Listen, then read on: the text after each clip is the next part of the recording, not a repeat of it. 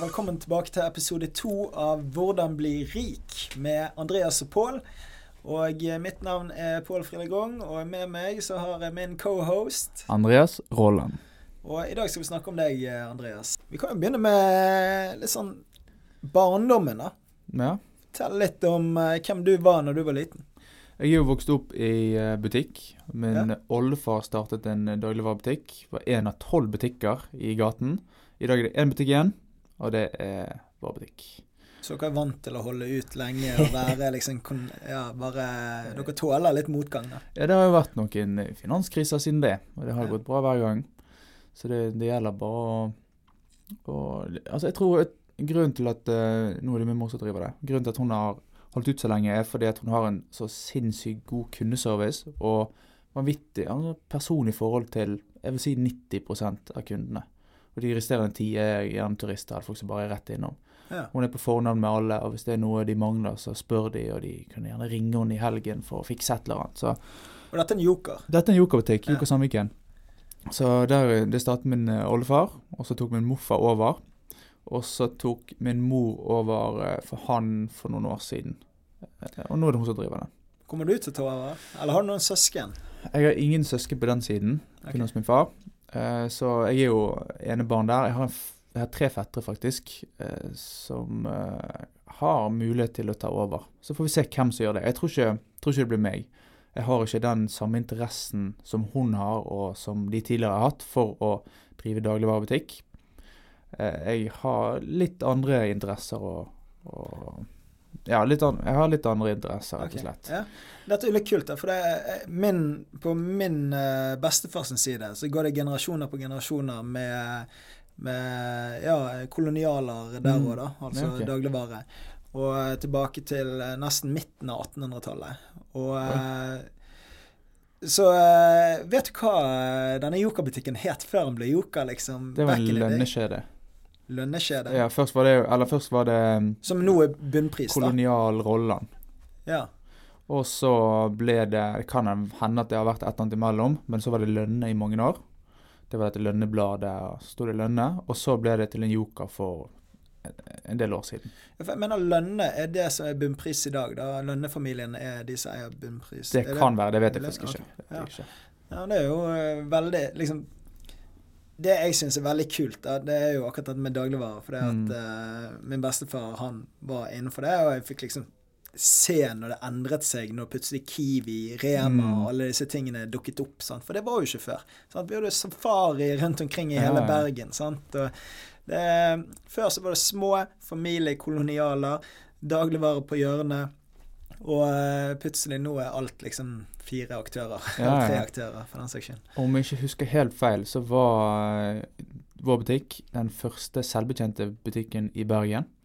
Det vil si at før det ble selvbetjening, før du gikk og plukket dine egne varer, så var det en disk. Så måtte du gå med en handleliste og si hva du skulle ha, så gikk de bak i butikken og hentet det for deg. Såpass, ja. Så disse var litt fremoverlente. Nå er vi eh, ja, eneste igjen av tolv. Det er kanskje derfor. De har vært litt frempå og tatt veldig godt vare på sine kunder. ja. Nei, det er jo definitivt det som må til når du er i et eh, nisjesegment. sant? Og Absolutt. med i hvert fall så høy konkurranse. Det er jo ikke akkurat sånn at uh, Joker er billigst nødvendigvis, men hvis du kan få toppservice, topp service, så er jo det Og tilgjengelig, ikke minst. Ja. Uh, nå, altså Jeg er jo vokst opp i denne butikken. Jeg har jobbet der i min ungdom. og har, altså Mamma har alltid vært på jobb, og jeg har alltid vært med henne. Så jeg har liksom alltid vært i butikken. Så det var jo alltid kunder som kom bort til meg og sa ja, en dag skal du ta over denne sjappen, og jeg har alltid jattet med. Og den dagen jeg eh, skulle fortelle mamma at vet du hva, jeg har faktisk ikke lyst til å drive dagligvarebutikk når jeg blir stor, det var Jeg følte det var litt som å komme ut av skapet. Jeg gruet meg veldig. For det var så mange forventninger fra kunder, familie, venner. Alle forventet at jeg skulle ta over den butikken. Mm. Men jeg hadde ikke lyst. Hvor gammel var du da? Åh, kanskje 14-15. Noe sånt. Ja. Før jeg tørde å si Kanskje 16. Før jeg tørde å si fra at det er ikke dette jeg har lyst til å drive med. Da, da er du egentlig i den alderen hvor folk skal bestemme seg om de skal bli håndverker eller Mm. økonom eller koder, på en måte. Ja. Du, du er på slutten av ungdomsskolen. Eh, lærerne sier ja, du skal gjøre sånn og sånn, og du har eh, evner til å bli det og det. Mm. Og så uh, må du ta et livsviktig valg i en Mm. ganske ung alder. Og uh, i den alderen så gjorde du et annet valg, og det var jo studiet Ja. videre. Hva du ville Det var bli. vel i den tiden, ja. Uh, fra Når vi skulle over på ungdomssko... Nei, på videregående. Mm. Du skulle søke, søke deg inn på den linjen du ønsket å gå på. Og jeg var drittlei av skole. Jeg var møkk lei av å sitte og lære ting jeg ikke interesserte meg for. Så da valgte jeg å gå på yrkesskolen. Jeg valgte, valgte TIP. Jeg ville være mer fysisk eh, i bevegelse på skolen. Og lære å kunne arbeide og ikke sitte og lese og gjøre oppgaver. Det var mest sannsynlig jævlig mye smartere enn å gå på BI eller eh, ja, noe annet som koster mye å studere på. Det tar mange år. Her kommer du raskt ut i arbeidsmarkedet, tjener eh, gode penger. Tjener gjerne tilsvarende, egentlig, om ikke mer, hvis du klarer å komme ut i oljen i tillegg, Ja, så, enn det de fleste økonomer tjener. Og dette var jo 2013-2014, tror jeg. Jeg kom inn på TIP, altså første videregående. Hadde et helt greit snitt. Var det på Årstad? Nei, det var på Bergen Maritime. Okay, ja. Og jeg kom inn der, jævla fornøyd.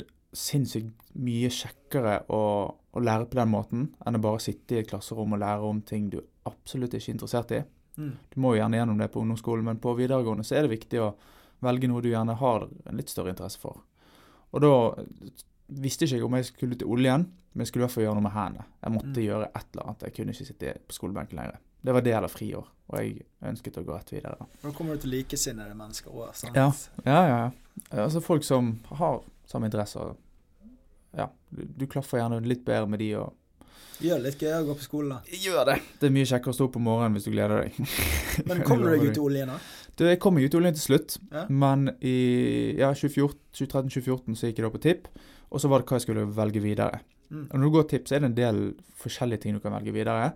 Det jeg hadde hørt, var at hvis du kom inn på brønnteknikk, eller du kunne utdanne deg som boredekksarbeider, da var det garantert jobb. Garantert jobb i Nordsjøen. Du hadde en lærlinglønn på kanskje reelt 400 000-500 000. Som lærling er det veldig mye penger. Ja. Og en gjennomsnittlig lønn i Norge i dag ligger på 600 000. Sant? Så du var jo, som lærling var du nesten oppe på gjennomsnitt i Norge. Da tenkte jeg OK, der får alle jobb som fullfører det studiet. Jeg hopper på det. Men det var jo 5,2 eller sånt for å komme inn. Så da jobbet jeg reven av meg på TIP. Fikk 5,2. Det var vel Jeg tror 5,1 var det laveste som kom inn. Så det var så vidt jeg kom inn. Ja, kult. Men fy faen, så kjedelig det var. da var jeg tilbake. Jeg hadde fortsatt bitte litt eh, fysisk læring, men det var veldig lite. Eh, det ble liksom Det var veldig mye teori, og teori jeg ikke egentlig hadde så mye interesse for. Eh, jeg hadde jo hørt at der og tjene penger, og det var liksom Det var det jeg gikk mot. Så da innså jeg at penger er ikke alt. Du må faktisk trives med både skole og jobb. Det handler ikke bare om å tjene penger. Og Det tror jeg er noe som man ser mer og mer i eh, dagens arbeidsmarked. Da. Det er jo at ok, folk har mulighet til å ta jobber som man kan gjerne tjene bedre i, Mm. men hvor man ikke er like happy. Mm. Sant? Og der er liksom kollegaer, arbeidsmiljø, eh, hvordan ting blir fasilitert i forhold til deg. Sant? Mm. Fleksible arbeidstider. Dette er ting som jeg føler vår generasjon setter utrolig mye mer pris på enn Absolutt. våre foreldres generasjon, hvor alt handlet om ok, du skal tjene mest mulig penger, egentlig. Mm. sant? Og så, eh, så vi er jo mer opptatt av de tingene. Vi er kanskje ikke så materialistiske som de var. da. Mm. Uh, men ja, det er, det er veldig interessant. Men hvordan du, du har jo Du var jo russ og gjorde noe sånn der uh, Jeg var nei, ikke russ. Var ikke Jeg var aldri russ. Jeg kjørte russen. Jeg tjente penger på å kjøre taxi. Ja, for du har hatt noen sånne side gigs. Jeg har hatt noen side- side gigs eh, opp igjennom. Og jeg hadde liksom aldri Jeg har, jeg har faktisk aldri hatt noe interesse for å feste. Mm. Jeg er ikke sånn som deg nå, som er helt avholds. Eh, drikker av og til, syns det er kjekt, men ikke så veldig ofte. Eh, det går liksom utover helsen. Jeg, jeg merker veldig stor forskjell nå når jeg er blitt voksen. Så Mm. merker jeg stor forskjell i mange dager etterpå. Jeg kan ta meg to øl, og jeg får en sånn liten bris. Kjempegøy, ha-ha. Men jeg merker det i flere dager etterpå at det er et eller annet med kroppen. Jeg kommer ikke meg helt opp igjen der jeg var. Men hvor gammel er du?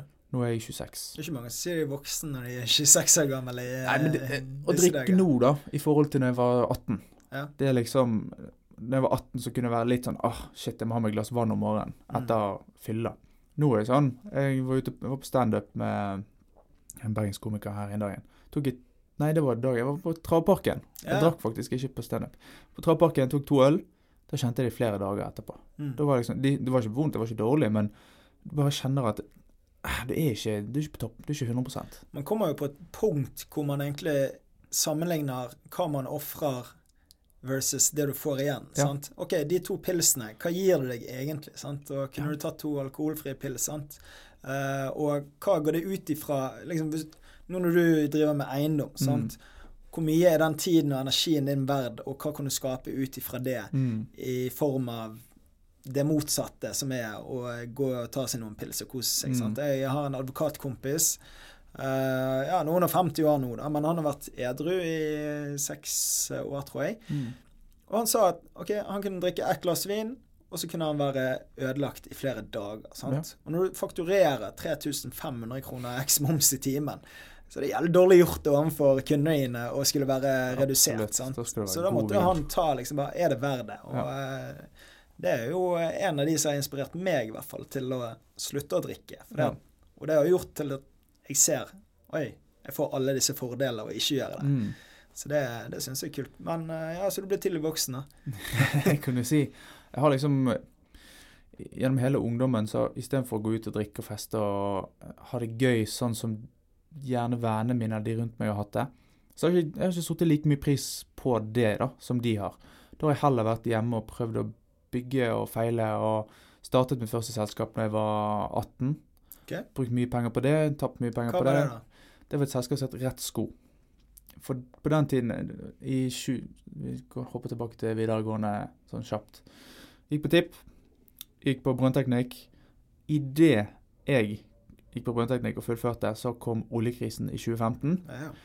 Absolutt alle som liksom har fullført det studiet som jeg tok, de hadde fått, eh, fått læreplass. Så kom vårt trinn. Oljen krasjet, det ble dårlige tider, folk ble permittert. De trengte ikke like mange lærlinger. Så det var over 40% som fikk læreplass. Jeg fikk intervju. Etter intervjuet var jeg bombesikker på at jeg skulle få jobb. Og så fikk jeg ikke tilbud om læreplass. Mm. Og da tenkte jeg OK, det passer egentlig bra, for dette interesserer meg midt i ræven. Jeg gikk kun det studiet for å få en ny jobb som jeg kunne tjene penger i, sånn at jeg kunne gjøre noe annet hjemme og bygge meg opp. For jeg har alltid visst at jeg hadde lyst til å bygge, bygge noe eget. Mm. Og jobber du i Nordsjøen, så har du god lønn, og du jobber to-fire. sant? Du har jo fri åtte måneder i året. Så det er jo en veldig fin start. Det er et ganske fint eh, utgangspunkt når du skal drive for deg sjøl. Absolutt. Det er jo eh, en fin måte å bygge opp eh, en rikdom i form av penger ganske eh, tidlig i Mm. livet, da. Så jeg ser jo det med andre håndverkere som er i, i mitt nettverk, sant. Mm. Hvor mye de har klart å bygge opp utenom å gjerne reinvestere. Sant? Så Mm. hvis du er flink med penger, så har du utrolig mye muligheter med det du får til der ute. Da. Ja, ja. Og så har du disse åtte månedene. sant? Du er hjemme fire uker av gangen, der du i teorien ikke må gjøre noe som helst. Du kan leve, du kan reise, du kan gjøre hva du vil. Eller du kan sitte og bygge et selskap, kjøpe eiendom, gjøre det du vil hjemme, og du har faktisk penger til det. da. Mm. Så det var liksom den veien jeg ønsket å gå. Så fikk jeg ikke den læreplassen. Så- tenkte jeg, vet du hva, kanskje det er et tegn. Kanskje det bare Det var ikke meningen. Jeg har liksom, jeg har jobbet hardt, men interessen er jo ikke der. Kanskje heller gjøre noe jeg syns er gøy. Og, men jeg måtte jo ha en inntekt. Jeg måtte jo ha jobb. Jeg bodde hjemme og måtte ha penger i kassen, så da søkte jeg jobb i barnehage. Jeg jobbet, skulle bare jobbe der i to måneder, jobbet der i to år. Og ganske tidlig så så jeg at ungene sliter jo veldig med å ta på rett sko på rett fot. Dette må vi gjøre noe med. Så etter Hva var det jeg begynte med, da? Eh, jeg fikk lov av foreldrene til eh, et par unger til å tegne med sprittusj i sålen i skoene. Da tegnet jeg piler som pekte mot hverandre ned i sålene. Sånn at Mm. ungen ser ned på skoene, så ser de at OK, når piler treffer hverandre, da er det rett sko på rett fot. Og Så tenkte jeg faen, dette kan jeg tjene penger på. Hvordan kan jeg tjene penger på dette? Gikk til eh, Innovasjon Norge. De hadde sånn kurs. Jeg husker ikke hva det kurset het, men det var i hvert fall for å hjelpe folk med å eh, kapitalisere på sine produkter da, eller sine drømmer. Så var jeg på det kurset, og så etterpå så hadde jeg bestilt meg en time, så jeg satt og pratet om ideen min. Men jeg visste ikke helt hvordan jeg skulle kapitalisere på det. Hvordan skal jeg tjene penger på dette, og gjøre det tilgjengelig nok, sånn at alle unger kan ha de skoene sine uten at det koster en formue. Fikk du noe støtte Innovasjon Norge? Kapitalmessig? Eh, Ingen støtte der, det gjør jeg ikke. jeg søkte Det var heller ikke så ikke innovativt. Nei, jeg søkte heller ikke om noe støtte. Men jeg fikk eh, en veiledning som gjorde at sammen kom vi frem til at OK, jeg må finne en fabrikk i Kina, eller en fabrikk som kan gjøre dette eh, relativt billig. Mm. Og så må jeg lage klistremerker som kan festes ned i skoene, som holder. De kan ikke liksom gå av etter to dager. Ja, for det er mye slitasje når du har foten Det er det. Og så er det våte sko og Ja. sant? Altså Et barn vokser fort ut av en sko, men de bruker den mye når de først bruker den. Så da tenkte jeg OK, hvordan, hva kan jeg gjøre nå? Eh, Jeg har aldri snakket med fabrikker i Kina. Søkte på Google på YouTube, og da var det liksom ikke denne hypen som er nå med dropshipping og alle sånne ting. Den var ikke kommet ennå. ja, men det er jo Boss hovedsakelig. Ja. Sant? Så, Men nå er det veldig enkelt å finne ut hvordan du kontakter fabrikker, hva som er viktig, hvilke spørsmål du må stille, hva er viktig liksom, og kriterier å stille til fabrikkene. Det var ikke på den tiden, men jeg fant ut jeg fant eh, nok informasjon til å liksom prøve meg frem. da. mm. Og så fant jeg alibaba.com. Det er jo egentlig bare finn.no for fabrikker i Kina. Ja, Du kommer direkte til eh, fabrikkene, så kan du snakke med dem, og så finner du veldig fort ut hvem som er seriøse Ja. useriøse. Mye av det har jo å si på eh, kundeoppfølgingen. Sant? ja, ja. Hvor fort uh, du får svar, og uh, hvordan de følger deg opp. ja. Det har jo alt å si, for min del i hvert fall. Du sitter på andre siden av jorden. Ja. Så der er jeg kanskje litt dårlig sjøl på, på oppfølging. Det er sånn Jeg kan sende en forespørsel til en fabrikk. Nå sendte jeg faktisk forespørsel på et skilt den dagen. Og de sender, altså de svarer på to minutter, så har du fått det svaret du trenger. Ja, men de, de sitter der på en helt annen måte. Eh, Du har kanskje ikke vært i Kina, sånn som meg, sant? men det, det sitter jo dedikerte salgsagenter Mm. på eh, de større fabrikkene. sant? Og eh, ja, eh, i Kina så jobber du ti timer. Mm. To av de timene så sover du midt på dagen. da. så det, det er den kinesiske måten å jobbe på. Den ligger okay. egentlig bare og lunsjer med å ligger ligge og De spiser, og så sover de. Det, Ok. det er en kulturgreie. Ja. Eh, men eh, ja, der sitter det dedikerte folk og kun skal jobbe med det. Ja. For det, hele verden skal ha tak i Kina, hvor alt Mm. produseres. Ja, så, klart det, klart det. Så der er de veldig flinke. De svarer fort. Og til alle døgnets tider, føler jeg. Det sånn, Uansett hva klokken er, så går det to minutter så jeg får svar. Så kan jeg gjerne bruke litt lengre tid på å svare, for da fikk jeg det svaret jeg trengte, og da må jeg finne ut hva neste step er. Da kontaktet jeg et par fabrikker, og så skisset jeg opp disse klistremerkene sånn jeg hadde lyst å ha de da. Så lærte jeg meg et redigeringsprogram. Husker ikke hva det heter, Sketchbook eller noe sånt. Det var i hvert fall ikke Photoshop. Okay. Jeg syns Photoshop var så avansert, og dette var sånn enkelt, og så var det gratis og tilgjengelig. Så En liten digresjon der, da. ja, Jeg laget uh, sykkel-VM-klokken til uh, når det var sykkel-VM her i Bergen. Og den uh, Jeg kunne heller ikke Photoshop. nei. Så jeg lagde jo disse klokkene, designet, i Paint 2, og la de Oi. ut på DNB sin crowdfunding-plattform. Solgte ut for 476 000 kroner eh, på tolv dager, eh, disse klokkene. og de var ikke runde engang, for det at jeg sto jo og dro i alle mulige ender. Så det, det så jo veldig rart ut, men det funket, da. Jobb med det du har. Så ja, vi, må ta de verktøyene vi kan. Ja. Sant? Sammen når vi skal lage denne podkasten her. Sant? Vi, vi må ta de verktøyene vi har tilgjengelig, og gjøre det beste ut av det. Så forhåpentligvis Absolutt. liker folk det. Ja, ja. Så nå finnes det jo tjenester som Fiverr, for eksempel, der du kan kjøpe tjenester billig. sant? Mm. Men jeg ønsket å lære meg dette, fordi at Photoshop eller Sketchbook eller hva jeg brukte på den tiden, det er jo greit å ha med seg videre uansett. Og når jeg skal lage skisser, det ble jo ikke pent, men jeg fikk i hvert fall lagd skisser. Så lagde jeg eh, sjiraffmønster og prinsessemønster, litt sånn forskjellig. Sendte disse tegningene til eh, fabrikkene. Så hadde jeg et par fabrikker, og så var det egentlig de som svarte meg best og fortest, som fikk muligheten til å lage prototyper for meg. Mm. Og, det, og så tegnet jeg opp noe på en blokk og lagde liksom sånn jeg ønsket at det skulle se ut. da, Tok en pappkartong, klippet og limte og liksom lagde en liten sånn mockup eh, som jeg sendte bilder av. Med mål og sånne ting. Fikk jeg de til å produsere vanntette klistremerker som skulle holde i skoene. Fikk jeg et par uh, mockups tilsendt vareprøver, samples. Eh, gjorde litt endringer på de, men var egentlig grei. Altså Jeg tror jeg fikk tre-fire samples før jeg liksom var fornøyd. Hvordan var eh, ja, kvaliteten, liksom? For det er veldig varierende. Vi har bestilt mye klistremerker når vi hadde lystbokser, og da Mm. var det liksom OK, første batchen var dritbra, og så kommer neste 1000, og da var det ganske kjipt, egentlig, da. Vi, der har jeg faktisk vært kjempeheldig. Ja. Fått kjempegod kvalitet hele veien. Både på det produktet og produktet lanserte etterpå. Eh, Så her trengte jo jeg penger, jeg trengte markedsføring. Jeg hadde ikke penger og ingen erfaring med markedsføring. Jeg jobbet i barnehage, og da, jeg tror dette var tiden før jeg hadde begynt å jobbe som vekter i tillegg, da, og servitør på, på den tiden. Så da jobbet jeg kun i barnehage. Fant et problem, tenkte OK, er det et marked for dette. Ungene sliter med det. Det fins noe britisk som jeg ikke syns funker. Det var noen sånne dyr som var klippet i to, og når de dyret ble et helt dyr, Mm. så da så du at det var rett sko på rett fot. Men det var så stor, mm, stort mellomrom mellom skoene at du så ikke at det var et dyr. dyr. vet ikke, liksom. Okay, hva er det- dette for dyr? De vet i det. Så du tenkte OK, piler. Alle ungene på avdelingen da, som jeg viste disse pilene til, de tok det med en gang. Mm. Og de var tre-fire år gamle. Så de tok det med en gang. Da tenkte jeg OK, da er det no-brainer. Da funker piler. Så var det på den tiden jeg solgte bilen, cashet ut BSU-en. Det skulle jeg kanskje ikke Det har jeg jo gjort, så Ja. jeg kjenner meg igjen i den. Cashet ut BSU-en. Jeg hadde ikke så mye penger på den, men det var nok penger til å kjøpe inn første batch. da. Mm. Så kjøpte jeg inn en palle med klistremerker, null salg. Så tenkte jeg faen, nå har jeg produktet.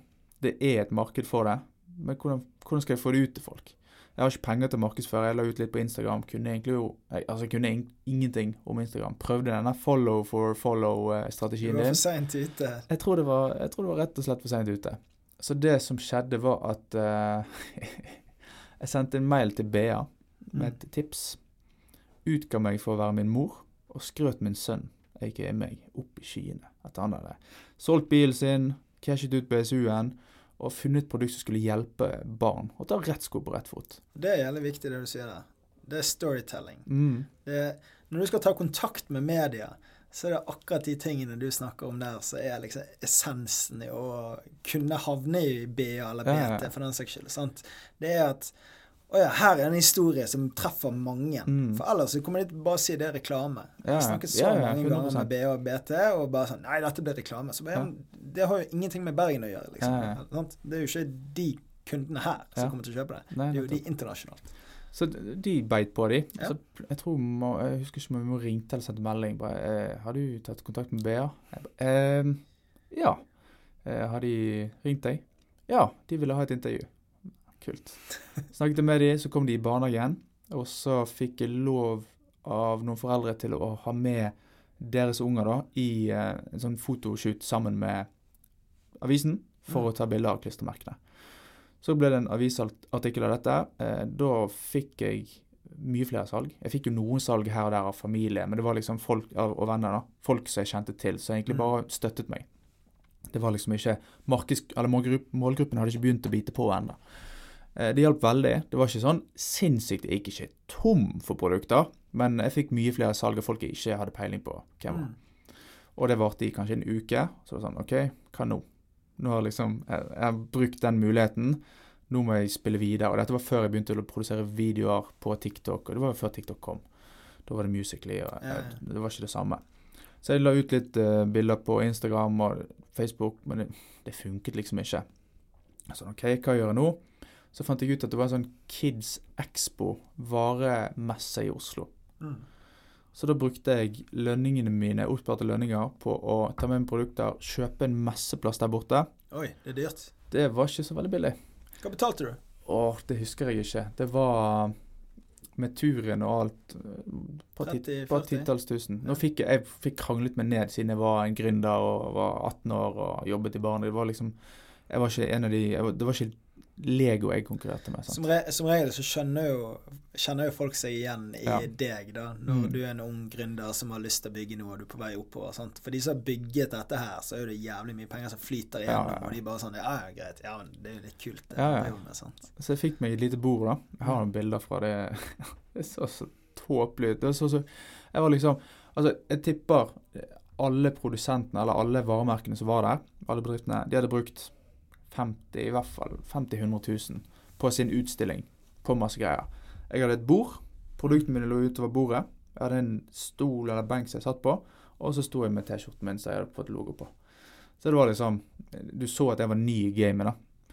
Og så folk begynte liksom Jeg hadde priser, jeg hadde kjøpt en sånn her bankterminal, og jeg var klar for råsalg der. Sånn. Så står den bankterminalen der. Folk begynner bare å plukke med seg. Trodde det var vareprøver. Jeg bare hei, hei, hei. De bare å ja, jeg trodde det var gratis. Hva koster det da? Jeg bare jeg tror det var 40 kroner. Ja, nei takk. Og da har ikke de sett hva det er engang. Så sånn, ok, Prøvde jeg å lage litt show. Så var det sånn OK, vi gir vekk et par pakker. Så fikk jeg komme opp på scenen fortelle om hvem jeg var. Og jeg var mest sceneskrekk i verden. Sant? Så det var jo det var det som måtte til for at jeg skulle få folk bort til eh, standen min. Så det var det jeg måtte gjøre. Så fikk jeg jo en del salg der, så tenkte jeg vet du hva, det er bedre å nå få ut merkevaren, få ut eh, navnet, få ut produktet. Produktene, ja. Og så tenkte jeg pakker vekk bankterminalen. Dag to gir det ut gratis. Så da gjorde jeg det, da. Og nå fikk jeg faktisk melding av en. Jeg tipper hun fikk et par der eh, for mange år siden. Fikk melding forrige uke fra en som spurte om jeg hadde sluttet å selge dette. Jeg har lagt ned butikken, og så sa jeg nå selger vi kun gjennom retail et par butikker. Og så jeg bare ja, ga ut alle produktene. Det var, jeg tror ikke jeg hadde mye i bilen på vei tilbake. Da hadde jeg prøvd det. Fikk et par salg, fikk inn, jeg fikk jo ikke dekket bensin bort engang. sant? Det var jo det var et hardt minus, men jeg fikk ut varemerket. Og så fortsatte jeg med litt sånn annonsering. Plutselig fikk jeg eh, en eh, barnehage.no, tror jeg det heter. Det er en sånn avis for småbarnsforeldre. De ville skrive om meg. Det fikk opp salget en del, men så dabbet det av igjen. da. Og så tenkte jeg faen, vi må gjøre noe. Og så var jeg ute og gikk eh, Vi var ute på tur. Vi, jeg jobbet på noe som heter Turgruppen. da. Er på siste året jeg jobbet der. Og det var de som er litt eldre, så vi var mye på tur. Og jeg fryser veldig fort på hendene. Og hvis du skal leie et barn når det regner eller det er kaldt ute Enten så kan begge, to, begge to ha på votter, da er det vanskelig å leie. Eller så kan barna på votter og du på ingenting, liksom bar hånd. Da blir du iskald. Barnet kan selvfølgelig ikke gå uten vått, og du med vått. Da blir barnet iskaldt. Og det er like kaldt å leie uten vått. Så det her måtte vi gjøre noe. Så da ringte jeg til mormor. Tok jeg en gammel vått. Så kjøpte jeg en meter med glidelås. Og så satte jeg meg ned i stuen hennes, og så sydde hun en glidelås på siden av votten. Så da åpnet, sprettet hun opp hele siden, sydde en glidelås, sånn at du fikk en leievott, som jeg kalte det. Da har du liksom en, en voksenvått med glidelås på begge sider, eller en på, på hver vått. Så kan du åpne den, og så kommer barnehånd inn der. Så kan du leie barnehånd inni din egen vått. Og det produktet var jo genialt. Jeg brukte jo den vareprøven fra meg til den ble ødelagt. Og da Hva var det jeg gjorde da? da? Hadde jeg spart opp litt penger. Kanskje det var da jeg solgte bilen. Det var på, på en av disse innkjøpene. Fikk jeg vareprøve. Der tror jeg måtte ha fem vareprøver for å bli fornøyd. da. For enten var denne glidelåsen for stor eller for liten, og så plutselig måtte jeg ha en sånn flapp inni, for ellers så fikk du en kald glidelås inntil huden din. Og så måtte du gjøre at den ikke ble for skarp. Det var mye greier. Og dette var i Kina? Dette var i Kina. Ja. Så det var, dette var en annen produsent, men nå hadde jeg lært meg hvordan jeg fant produsenter. ja, og det er så digg med når du skal produsere i Kina og komme med vareprøver? Mm. det er jo at det, de tar ikke betalt mye for vareprøvene. Nei, nei, nei. Det var I forhold 500 til hvis du hadde gjort det i Europa. Mm. Så i kinesiske mindsetet så er jo det at de skal tjene det inn ut fra volumet som Ja. kommer på sikt. Ja. sant? Og der er det mange som har sånn Du betaler en liten sum for vareprøve, og så får du det i avslag når du bestiller en større batch. Ja, det er jo det de kaller en mold. da. Ja, okay. Det er jo egentlig bare formen Ja, for ja, å lage det. sant? Og da måtte jeg Jeg tror det var fem vareprøver før jeg var fornøyd. Og så bestilte jeg det inn, og så kontaktet jeg vel avisen igjen. Da med mitt eget navn, da. Og så sa jeg dere, nå, dere skrev om meg da og da. Jeg har fått inn eh, leievotter som et helt nytt produkt. Genialt for både store og små. Og de skrev om meg, de.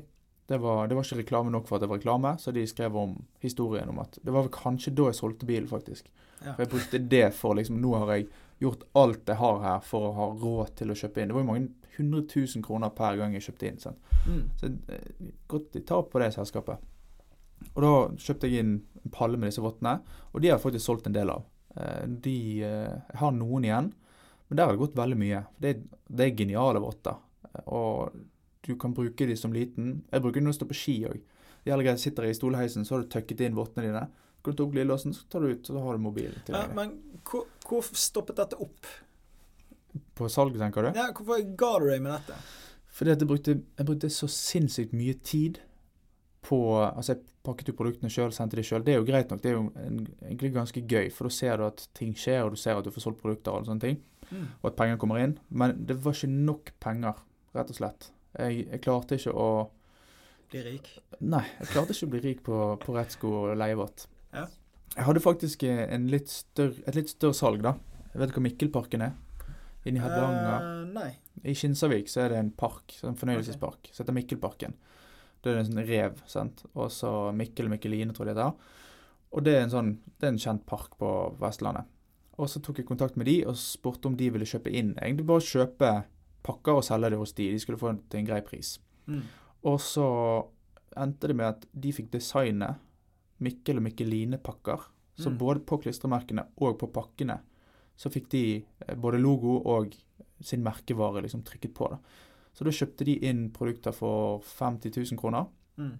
Så da fikk jo jeg en liten sånn kick. OK, her er det jo faktisk Nå, nå skjer det.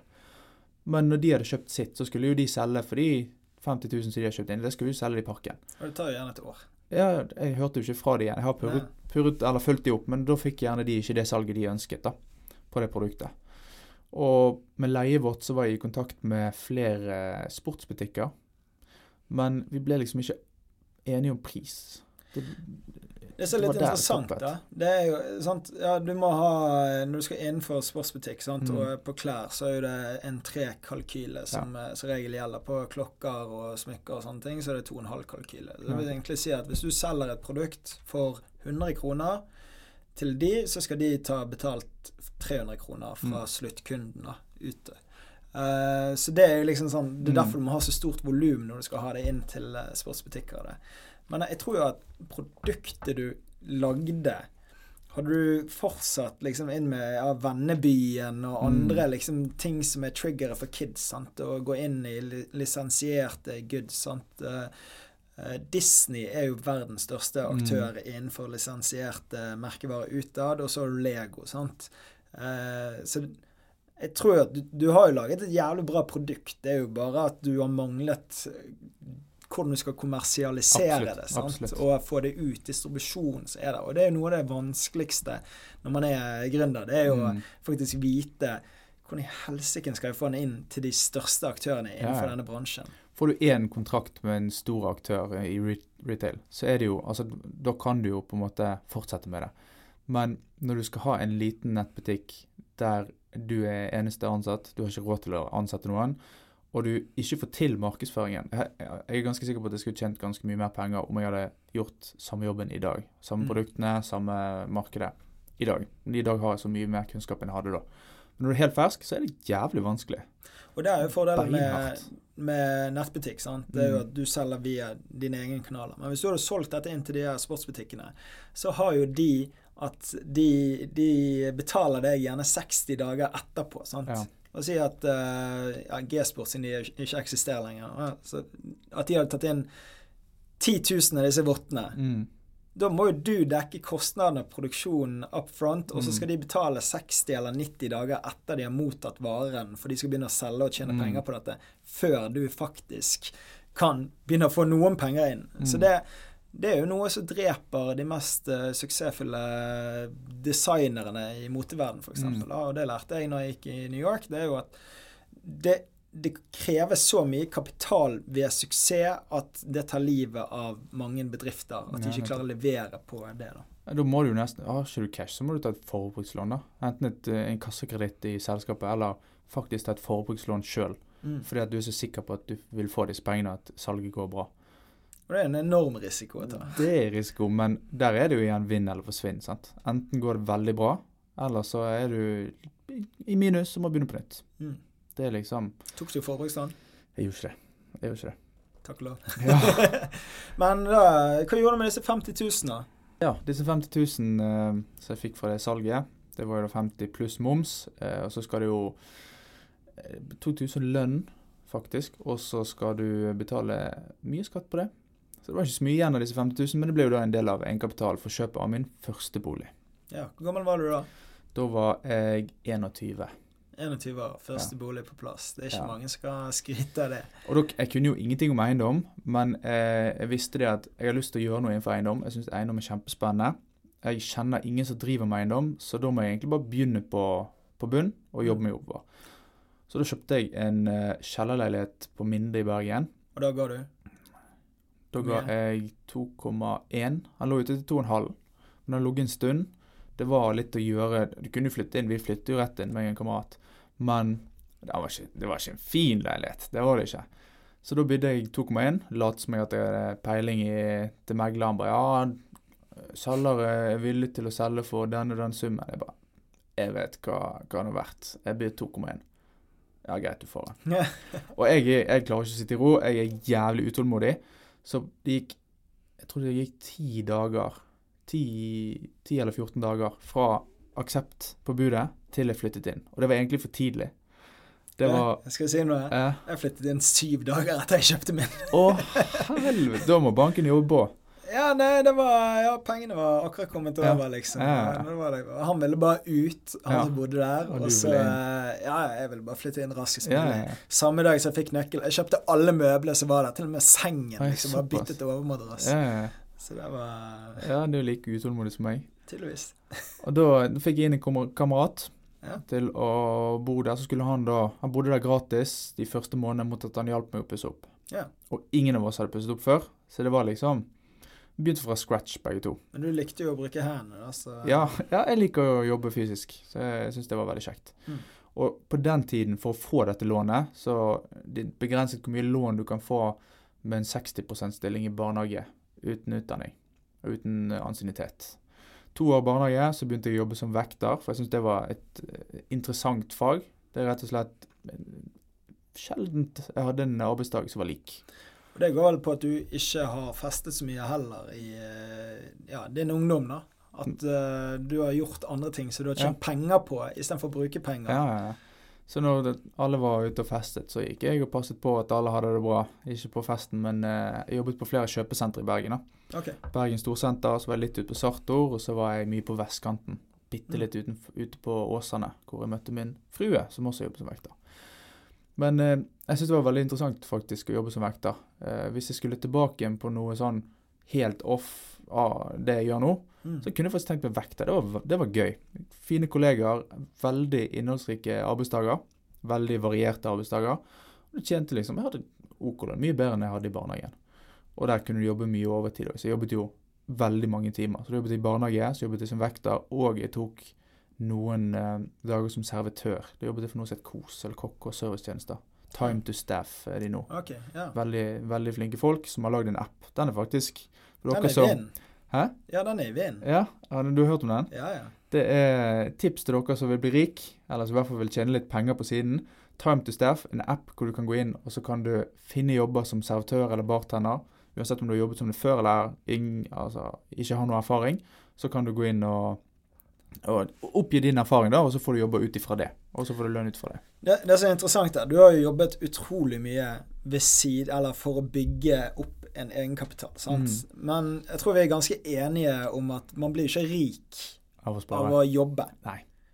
For det at da jobber du, bytter en time mot noe penger, Ja. men du får aldri noe som jobber for deg når du du ikke, ikke er ute er i eh, og jobber. sant? Og det er jo der du egentlig har eh, begynt å få suksess, når du begynte med denne eiendommen. Hva Ja, gjorde du med den første eiendommen du eh, kjøpte? Solgte du den etter et år, eller? Den solgte jeg, jeg husker ikke hvor lang tid det gikk, men det, gikk eh, i hvert fall et år. Jeg pustet Mm. den litt opp, og jeg så jo det at når jeg hadde, si jeg brukte et par måneder på å pusse den opp, da satte vi opp en lettvegg, skilte stuen, sånn at den ble, ble en veldig liten stue, men jeg fikk også et ekstra soverom. Og det var 5000 kroner inn i året, nei i måneden, 60 000 i året i skattefrie leieinntekter. Og så refinansierer du Så fikk jeg ny eh, eller Jeg malte og bare gjorde det litt mer levelig.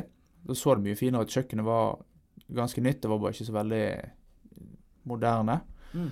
Og badet var nettopp pusset opp, men det så jo fortsatt altså, Du så at det var en sjømann som hadde bodd der. da. Det var mørke eikelister. Det var litt sånn. Men jeg, jeg gjorde det jeg kunne for tror jeg brukte 50 000 totalt. Med, vi lagde spotkasse, så elektriker var inne. Og så hadde jeg spark, sparklet kjøl. Det er jo det er en kunst, så det har jeg sluttet med. Men eh, ja, ca. 50 000 tipper jeg, og da fikk jeg verdien opp fra 2,1 til 2, jeg tror det var 2,5. Opp igjen på der han lå som lå ute til før Oi. jeg kjøpte den. Okay. Så det er 400 000 kroner på et par måneder på 50 000 i brukt. Hva hadde du i egenkapital når du kjøpte leiligheten? da? 15 av 2,1. Ja, Ja, Okay, så det, det var ikke over 300 da. Ja, så jeg doblet jo egenkapital, sant. Uh, med å gjøre den oppussingen. Og så bodde jeg der i over et år, så jeg fikk den skattefritt. Mm. Men jeg fikk ikke solgt den for den prisen. Og det syns jeg er litt er litt bitter den dag i dag. Men det jeg gjorde, da, det var å få en ny verdi. Ja. Og når jeg fikk den nye verdien, da hadde boligen økt 400 000 kroner i verdi på noen måneder. Med at jeg, som egentlig ikke kunne noe om oppussing, hadde gått inn, satt opp en lettvegg, lagd et soverom til, gjort det finere, fått inn spotter og litt sånn forskjellig. Og da sa jeg OK, regne opp timeprisen der. Hvor lang tid bruker ikke man på å spare 400 000 kroner. Som du skal skatte av i tillegg. Ja. Det tar flere år det å spare 400 000. Det tar mange år. Det tok meg ett år. Ja. Men ja. Ja, jo da, men da du igjen, da lever du nøkternt. Du, du tjener greit, og du bruker ikke penger. Men skal du leve normalt, du bor gjerne alene, og du har en gjennomsnittlig, eller kanskje under gjennomsnittlig lønn, så tar det jævlig lang tid å spare opp en halv million, eller en egenkapital til en bolig. Så da sa jeg at kanskje det er noe i det å ikke selge tiden sin, men å heller bruke tiden sin på å skape verdier. Og jobbe for, en, altså jobbe for verdien du skaper, og ikke tiden du bruker eller gir bort. For du snakker jo om eh, det å leve litt nøkternt. Ja, Det gjør jo du fortsatt. det gjør jeg. Så du, du har jo tatt en fot tilbake igjen for å egentlig bygge mest mulig verdier raskest mulig i en ganske ung alder, vil jeg tørre å si. da. Sant? Eh, for det du og eh, fruen din, som du kaller eh, flippefrue Flippefruen. Hun, eh, Dere bor jo hjemme hos eh, hennes foreldre, sant? Det stemmer. Og, så dere har jo tatt et skritt tilbake i forhold til levestandarden dere har mulighet til å leve Absolutt. for å eh, Skalere fortere. skalere fortere, ja. Sant? For det at OK, de La oss si det er 30 000 dere hadde måttet betale utenom for å ha en eh, fin leilighet eh, i sentrum. Sant? 15 000 der, og så er det alle levekostnader utenom. Mm. Det kan dere bruke som Ja, investere videre, da. Ja, ja, ja. 100 Og vi bodde jo Vi kjøpte oss en leilighet Altså, nå økte vi verdien på Eller meg og kameraten min pustet opp den første leiligheten. Økte verdien på den. Fikk inn en leietaker til. Da var vi tre stykker som bodde der. Og så brukte jeg Det var da jeg møtte Tina, Mm. jeg Flippfruen. Og vi ønsket å se på noe sammen. For da hadde jeg kjøpt min første leilighet, gjort min første skikkelige investering og sett at OK, avkastningen her er jo vanvittig bra. Dette må vi gjøre igjen. Da fikk vi et finansieringsbevis sammen eh, på grunnlag av den nye verdien og leieinntektene jeg fikk på den leiligheten. Men da var vi nødt til å flytte ut og leie ut hele leiligheten. Da måtte jeg ha, da fikk jeg 15 000 på den leiligheten. Mm. Og så fikk vi finansieringsbevis, så var vi og så på en leilighet. Der hadde fotografen Det er en kjempefin utsikt. Sinnssykt fin utsikt ute i Olsvik. Toppleilighet der, to etasjer, tre soverom og en type takterrasse der da, med, med vestovervendt, solfylt utsikt. Mm. Men her hadde ikke fotografen fått med den utsikten. Han tok bildet så lavt at du kun så himmelen. Du så ikke utsikten, alt du så utover. Så vi sa sånn OK, det er jo en terrasse her, hvorfor ikke det er utsikt? Så vi gikk på visning. For det er jo en ganske stor arbitrasje liksom, hvis det, du bommer med Det fineste han har å tilby, liksom. Ja, altså, Dere går jo mye på visninger. Ja, ja. Dere ser jo eh, OK, det som er på Finn versus det som er virkeligheten. Mm. sant? Og min fetter gjorde det samme. Det var noen som prøvde å selge på Proper, eh, liksom, ja. som ikke kunne ta bilder i det hele tatt. Ja, Så det virket jo dobbelt så stort, eller det var dobbelt så stort i, Som i virkeligheten som eh, Ja, på bildene. sant? Så det er jo en kjempeviktig for å bygge verdier. Absolutt. absolutt. Noe, altså, det viktigste er jo egentlig Jeg mener styling er ganske viktig. Du trenger ikke å kjøpe det inn eksternt, du kan style sjøl, men du må liksom Når du kommer inn i en bolig, så må du, du må få lyst til å flytte inn med en gang. Du har egentlig ikke lyst til å gå ut igjen. Ja, ikke han der gamle Nei, du nei, nei, kjøpte. nei, nei. sant? Det er ikke sånn at du har lyst til å vaske deg eller bytte klær etterpå. Du, du har lyst til å flytte inn med en gang. Mm. Det mener jeg er veldig viktig. Og foto. Foto er så viktig. Det er som du sier, det Altså, skal du få folk på visning, så må du ha fine bilder. Når dere selger, tar Tina bilder uh, av uh, leilighetene? Vi har faktisk ikke gjort det før. Eh, kanskje vi prøver oss på det fremover. Jeg har fått spørsmål om det på Twitter flere ganger, om vi tar bildene sjøl. Men vi får en profesjonell eh, boligfotograf til å gjøre det. Mm. Og, men det er, jo, det er jo mulig å, å lære seg det. Men da er det viktig å liksom ligge i timene og, og gjøre det jævlig bra. da. For jeg vet at det er mange fotografer som tar bilder, og så sender de det til andre land der arbeidskraften er billigere. Så får de sånn standardisert redigering tilbake igjen. Og så tar de norsk pris for det. Mens du har liksom andre fotografer som gjerne lever for det. sant? Du ser gjerne på Instagram at de bryr seg om bildene og redigerer de sjøl. Mm. Så det er veldig viktig. Jeg har en som lever for det, hvis du trenger en uh, utenom. da. Ja, ja altså bilder er alltid, alltid superviktig.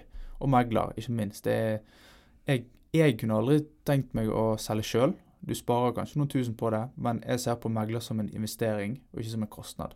Mm. En, altså Det er veldig stor forskjell på meglere. Jeg vet ikke hvor mange. Jeg tipper jeg har vært på noen hundre visninger de siste årene. Og det er veldig, veldig stor forskjell. Du ser de som er sånn De har litt lyst til å slå av telefonen etter klokken fire, for da er de ferdig på jobb. Og så har du de som ringer deg døgnet rundt fordi at de, de lever for yrket. sant? De, har, de elsker å selge bolig. Jeg var i 30-årsdagen til Simon Aasen, som liksom, har vunnet alle eie eiendomsmegling sine månedlige meglere og Mm. årets megler. da. Og som så han sa han behandler det å være eiendomsmegler som å være en toppidrettsstjerne. Han, liksom, han må leve det livet Mm. som en toppidrettsstjerne skal gjøre for Ja, å være nummer én innenfor Ja, det han gjør. det er jo en livsstil. Det, er sånn, det er ikke sånn at du Du kan ikke slå av telefonen din. Du må liksom være tilgjengelig, og du må levere og prestere. Du må liksom være kjempeinvestert i hver eneste bolig du selger. Og for å få nye oppdrag, så må du gi det lille ekstra. For det er jo kjempestor konkurranse. Det er nok av meglere. Absolutt. Men det er ikke alle som er like flinke. Og det er litt sånn morsomt. da. Det er nok av meglere, men det er veldig få meglere som tjener mye penger. Ja, det For ser det jeg litt. veldig mange som bare lever på noen venner og familie som skal Mm. selge, sant? Mm. Og, og så får de kanskje noe utenom. Og så har de en uh, gjennomsnittlig lønn i Norge. Mm. Men det å være megler, det koster jævlig mye penger. For du skal ha en fin dress, du skal ut og spise, du skal leve meglerstil, du skal ha Mm. en bil som passer liksom eh, det som er å være en megler. Men det er Mm. veldig få som tjener nok til at de, de klarer å backe det opp. Ja. på en måte. Og det jeg syns er veldig rart, er hvorfor ikke vi har flere fremoverlente meglere i sosiale medier. Vi har Kristoffer. Eh, han er veldig Han er en av de eneste som er liksom skikkelig profilert megler. Og det er fordi at han lager videoer sjøl. Kjempeflink megler. Og han er aktiv i sosiale medier. Og han er aktiv og f.eks. hjelper Mats pusser opp. Han er liksom til stede og bryr seg veldig om jobben sin og viser at han liker jobben sin. Mm. Og så har vi andre meglere som jeg har fått opp på TikTok, men det er liksom Snakker du TikTok nå, eller eh, snakker du Nei, sosiale medier okay. generelt. Det er veldig liksom. mange av de meglerne jeg kjenner, da, som har en e- Enten så er de merkevaren 100 eller så skiller de ut i en egen konto som heter ja. eiendomsmegler og navnet, da. Men skal du være eiendomsmegler på Instagram og TikTok og Facebook, så hjelper ikke det å hete megler Andreas, Ja. og så ligger det ut bilder av boligen du selger. Nei, det, Det, ingen, det ser jo bare ut som Finn, eller Finn-side. Det, Ja, ja, det hjelper ikke. Jeg blir ikke kjent med deg som megler. Jeg velger ikke deg som megler fordi at jeg har sett at du har lagt ut bilder av en OK stue på Instagram. Det du må gjøre, er jo Du må komme med tips til følgerne. Du må komme med tips til de som skal kjøpe og de skal selge. Du skal være den første de tenker på når de enten skal kjøpe bolig sjøl, eller de skal selge bolig. Da er det deg de tar kontakt med. Rett og slett. Du må være tilgjengelig. Du må være Det jeg har sett flere meglere gjøre, er liksom De prøver seg på, spesielt på TikTok, da. Prøver de seg der, lager noen videoer. Kanskje litt for Ikke for gammel for å være på TikTok, men de forstår ikke seg på hvorfor de trendene trender. Det er liksom Du kan ikke gå på TikTok og hive deg på en trend hvor du viser de negative sidene med jobben din. Ja. Som for eksempel ah, Ta opp telefonen. ah, søren, du valgte en annen megler. Ja ja, da får jeg drikke litt vin. Eller å ja, eh, du vil ikke ligge i en bud likevel. Nei da, det går fint, det. Du må jo selvfølgelig vise hvorfor du er en god megler. Ikke det at du gjør noen trender med noe kjipt på jobben som har litt tidlig. Hvis jeg ser at du sliter med å få salg, eller at du sliter med å få kunder, selvfølgelig velger jeg ikke deg som megler, da. Jeg vil ha det beste av det beste. Sånn er det bare. Men eh, for å runde av her, da. Du er jo up and coming i eiendomsbransjen. Hvor mange leiligheter eh, holder du på med nå og flipper på? Akkurat nå har vi, har vi en bygård med fire leiligheter og en butikk. Det er jokeren til min mor, så okay. er i kjelleren der. Og så er det fire utleieenheter på toppen. Så den kjøpte jeg for, fikk nøkler for fire år siden. Og så har vi fått uh, Vi, sier jeg, det er jo meg. Har jeg fått uh, seksjonert det. Det var en stor familiebolig tidligere, så nå blir det fire leiligheter. Fått innlemmet uh, tørkeloft i leilighetene, så mer, uh, mer P-rom der. Mer å bo på, mer å, å telle verdi på. Så jeg har fått opp verdien på bygget noe enormt, og leieinntektene vil også være mye høyere enn de var når jeg kjøpte bygget. Og så vil det ikke stå noe tomt. At jeg har utnyttet hver eneste kvadratmeter, men gjort det sånn at altså vi skal flytte inn i den ene leiligheten sjøl og leie denne selskapet.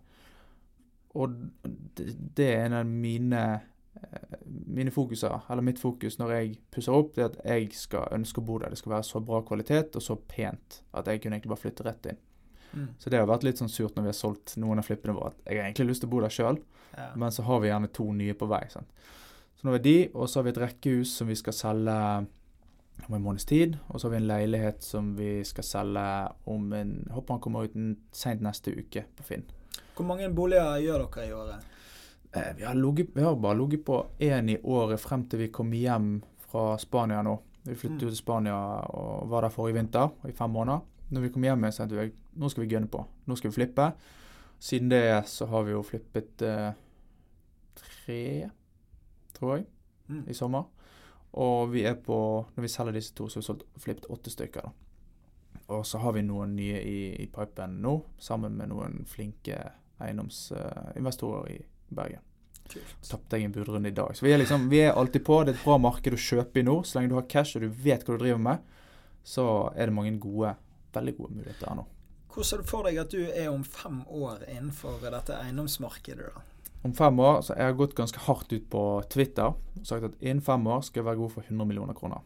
Og da er ikke det 100 millioner i eiendomsverdi, men 100 millioner hvis jeg selger alt. Mm. Cash på konto. Så om fem år så har jeg ganske mye mer eiendom nå på utleie. Og så har jeg flippet jævlig mange boliger. Og så er dette Norges største podkast, selvfølgelig. Og lever greit. Som vi snakket om eh, i forrige episode, så er ikke rikdom bare penger. Så det er viktig å ta vare på helse og ha den fritiden man ønsker. Jeg jobber kanskje litt mer enn litt mer enn jeg burde, eh, Mm. med tanke på helsen.